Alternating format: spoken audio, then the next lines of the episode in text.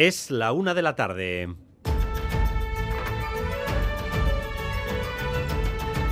Crónica de Euskadi con Dani Álvarez. A Rachaldeón, el Partido Socialista trata de fidelizar a sus socios de legislatura y hoy da un paso adelante en Pamplona al pactar una moción de censura con Euskal Herria Bildu. Joseba Sirón, por tanto, volverá al sillón de mando desbancando a Cristina Ibarrola de UPN, lo que no fue posible tras las elecciones municipales, ni tampoco después de las generales, ahora sí lo es. Nunca el PSN había votado sí a un alcalde de EH Bildu. Y esta es la lectura que hacen las dos fuerzas políticas, Miren Zabaleta, Ramón Alzorriz nos permite a dos culturas políticas tan distintas como las nuestras avanzar juntas en beneficio de la ciudad y de sus personas. Sé que es difícil, sé que a algunas personas les costará entender ciertas cosas, pero creo que solo con decisiones valientes y dando pasos hacia adelante podremos avanzar como sociedad. Debemos dar pasos en beneficio de la convivencia, Pasos en beneficio de la convivencia, dice el socialista Ramón Alzorriz. El PSN hará lo que siempre dijo que nunca haría, votar a Asirón. Aritz Aguirre, Arrachaldeón a Rachaldeón y considera además que es un paso histórico porque PSN y EH Bildu comparten y destacan que se trata de un acuerdo político histórico entre ambas formaciones para mirar al futuro y construir un nuevo tiempo. Ambas formaciones desvinculan el acuerdo de la investidura de Pedro Sánchez y circunscriben lo acordado a Pamplona, pero al mismo tiempo destacan, nos comparten un mismo acuerdo, aún en diferentes ruedas de prensa, y destacan que es la primera piedra, para mirar hacia adelante. Este movimiento es todo un terremoto político que tiene repercusiones en Madrid y, por qué no decirlo, también en Euskadi. Para UPN es un golpe muy duro porque pierde su principal bastión cuando Cristina Ibarrola buscaba consolidarse como alcaldesa. Pero su partido se ha atado al PP y a Vox contra Pedro Sánchez y ese camino no le ha dejado demasiadas salidas. Esta es la consecuencia, la moción de censura. UPN y el Partido Popular hablan en estos términos. Esparza, Feijó, Gamarra. No hay nada que justifique esto. Esto no pasa en ningún sitio de Europa. Y a ningún socialista alemán se le ocurre darle la alcaldía de, de un municipio alemán a un partido nazi. Este socialismo ha traspasado todas las rayas y yo ya no sé cuáles quedan por venir. El precio que Bildu le puso para ser presidente. Otegui exigió una moción de censura en Pamplona y el señor Sánchez la ha aceptado. Él elige bando. Jamás estaré al lado de los que llevaron asesinos en sus listas electorales. Pero tomen nota, el PNV, no vaya a ser que lo próximo sea que Bildu sea Lendakari también en el País Vasco mientras el ministro más lenguaraz del gobierno, Óscar Puente, ha defendido hoy con vehemencia esta moción de censura en el Congreso, que sin embargo el Partido Socialista de Euskadi limita al ámbito local de Pamplona. Navarra es una cosa, Pamplona es una cosa, Euskadi otra. Andueza. Lo único que tengo que decir que es una cuestión que corresponde a los compañeros y compañeras del Partido Socialista de, de, Navarra que han tomado esa decisión, que repito y reitero, se circunscribe a una cuestión local, a una cuestión relativa exclusivamente al Ayuntamiento de Pamplona.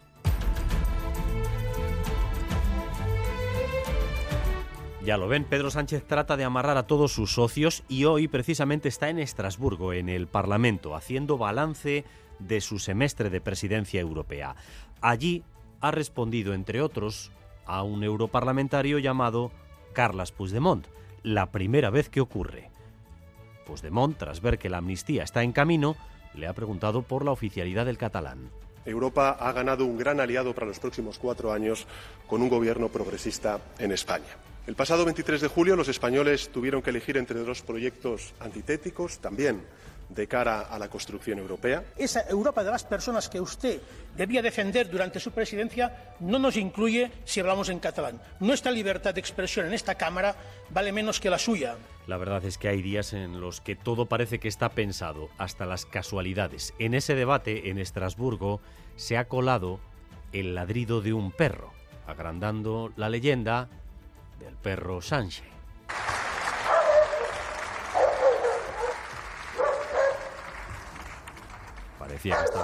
Parecía que estaba, todo montado. En fin, la COP28 mientras se cierra con eh, un retraso de 24 horas según lo previsto, pero con acuerdo final, un acuerdo respaldado por los 200 países presentes en Dubái.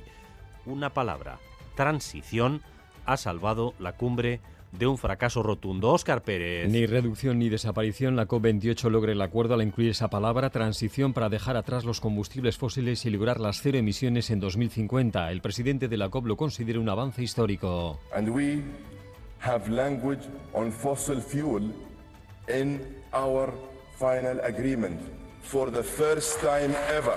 Hacemos referencia al combustible fósil en nuestro acuerdo final por primera vez en la historia, ha dicho Sultán Al-Jaber. Que se haya dado un paso, aunque pequeño, es valorado en general por la comunidad científica. Elisa Sainz de Murieta es investigadora del Centro Vasco para el Cambio Climático. Yo creo que hay algunos mensajes que son muy, muy importantes para decirle al mundo, a los inversores, a las empresas, que esto no tiene vuelta atrás, que la transición avanzará más o menos rápido, pero que... Las organizaciones ecologistas y algunos estados insulares del Pacífico advierten que la ambigüedad de este texto permite a gobiernos y empresas interpretar lo acordado según sus intereses. Y en las terrazas de los bares hoy se habla sobre todo de la posibilidad de que se prohíba fumar en esas terrazas. El Ministerio de Sanidad admite que este tema está en estudio.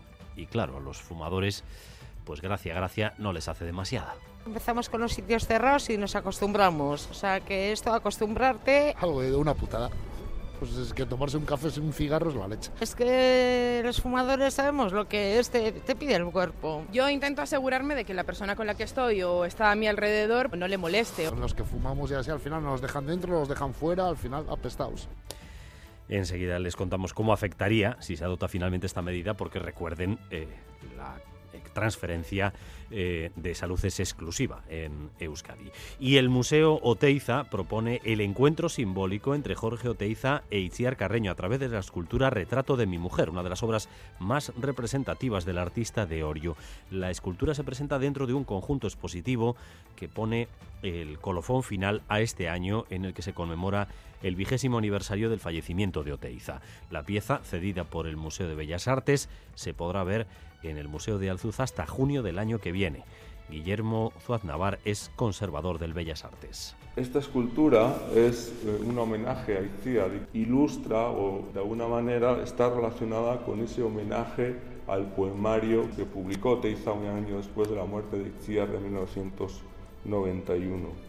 Y vamos también con lo más destacado del deporte, César Pérez de Gazola, León. Arracha Don Dani, la red social regresa a estas horas de Milán después de conseguir anoche ese primer puesto en su grupo de la Champions. Esto significa que en el sorteo del próximo lunes evitarán seguro al Bayern de Múnich, al Manchester City o al Arsenal.